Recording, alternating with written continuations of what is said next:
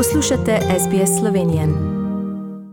Pozdravljeni, spoštovani rojaki in rojakinje. Preteklo soboto je pri nas odmevala tragična novica.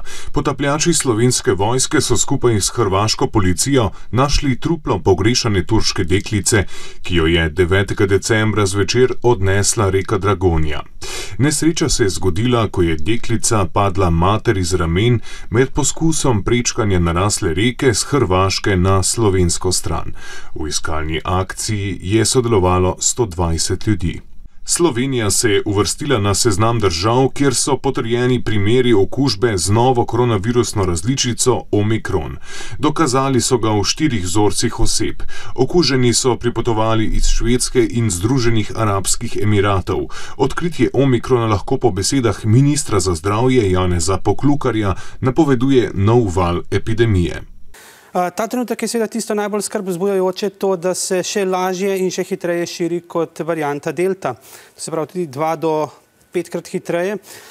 Drugo, kar pa je neznano, je pa to, kakšne, v koliko velikem procentu poteka povzroča težek potek bolezni, kajti uh, pri težkem poteku COVID-19 bolezni imamo seveda potem hospitalizacije in pa sprejeme v enote intenzivne terapije, kar vemo, da je najožji del vsakega zdravstva. V ponedeljek pa je v štiri slovenske bolnišnice prispelo zdravilo proti COVID-19 Molnupiravir, namenjeno zdravljenju odraslih bolnikov s težjim potekom bolezni. Slovenijo je zajela draginja, predvsem problematične so cene energentov. Vlada bo po besedah premijeja Janeza Janše energetsko krizo najprej naslovila z draginskim dodatkom, ki je v višini 300 evrov za upokojence in nekatere druge predviden v predlogu desetega protikoronskega zakona. Na mizi je eh, predlog, eh, ki ga bo vlada obravnavala verjetno konec januarja, ko bomo bolj natančno vedeli, kakšne so vse te posledice podražitev, da se eh, znotraj te kategorije, eh, širše kategorije, ki jo zdaj naslavljamo, gre predvsem za upokojence z nizkimi pokojninami, še posebej pomaga tistim, ki prejemajo še eh, različne socialne prejemke, to je kategorija nekaj čez 60 tisoč naših rojakov.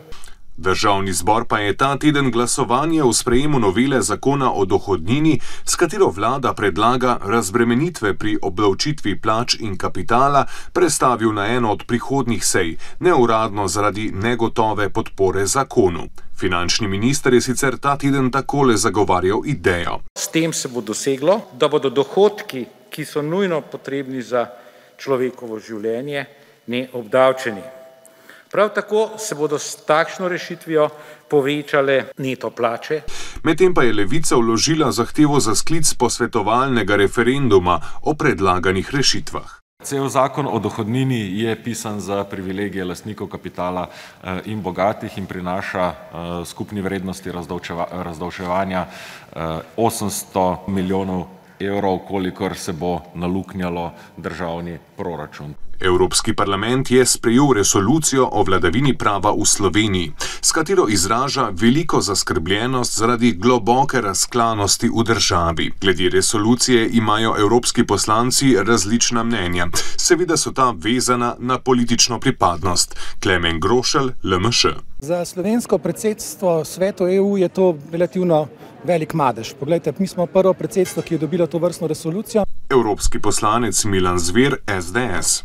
Vsi razumejo, da je resolucija plot zleh namenov levice, gonila sila, pri tem pa so bili nekateri slovenski poslanci. Vsebina te resolucije v Evropski uniji nikogar ne zanima. Vsi razumejo, da gre za notranjo politično zadevo, prenešeno na evropski parket. Končajmo s športom. Društvo športnih novinarjev Slovenije je razglasilo športnike leta 2021.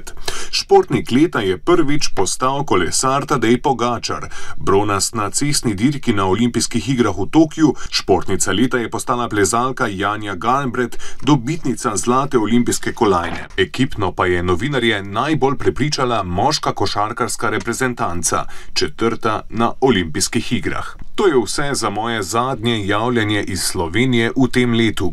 Z vami sem bil Žan Dolajš. Želim vam predvsem miren in srčen konec tega leta.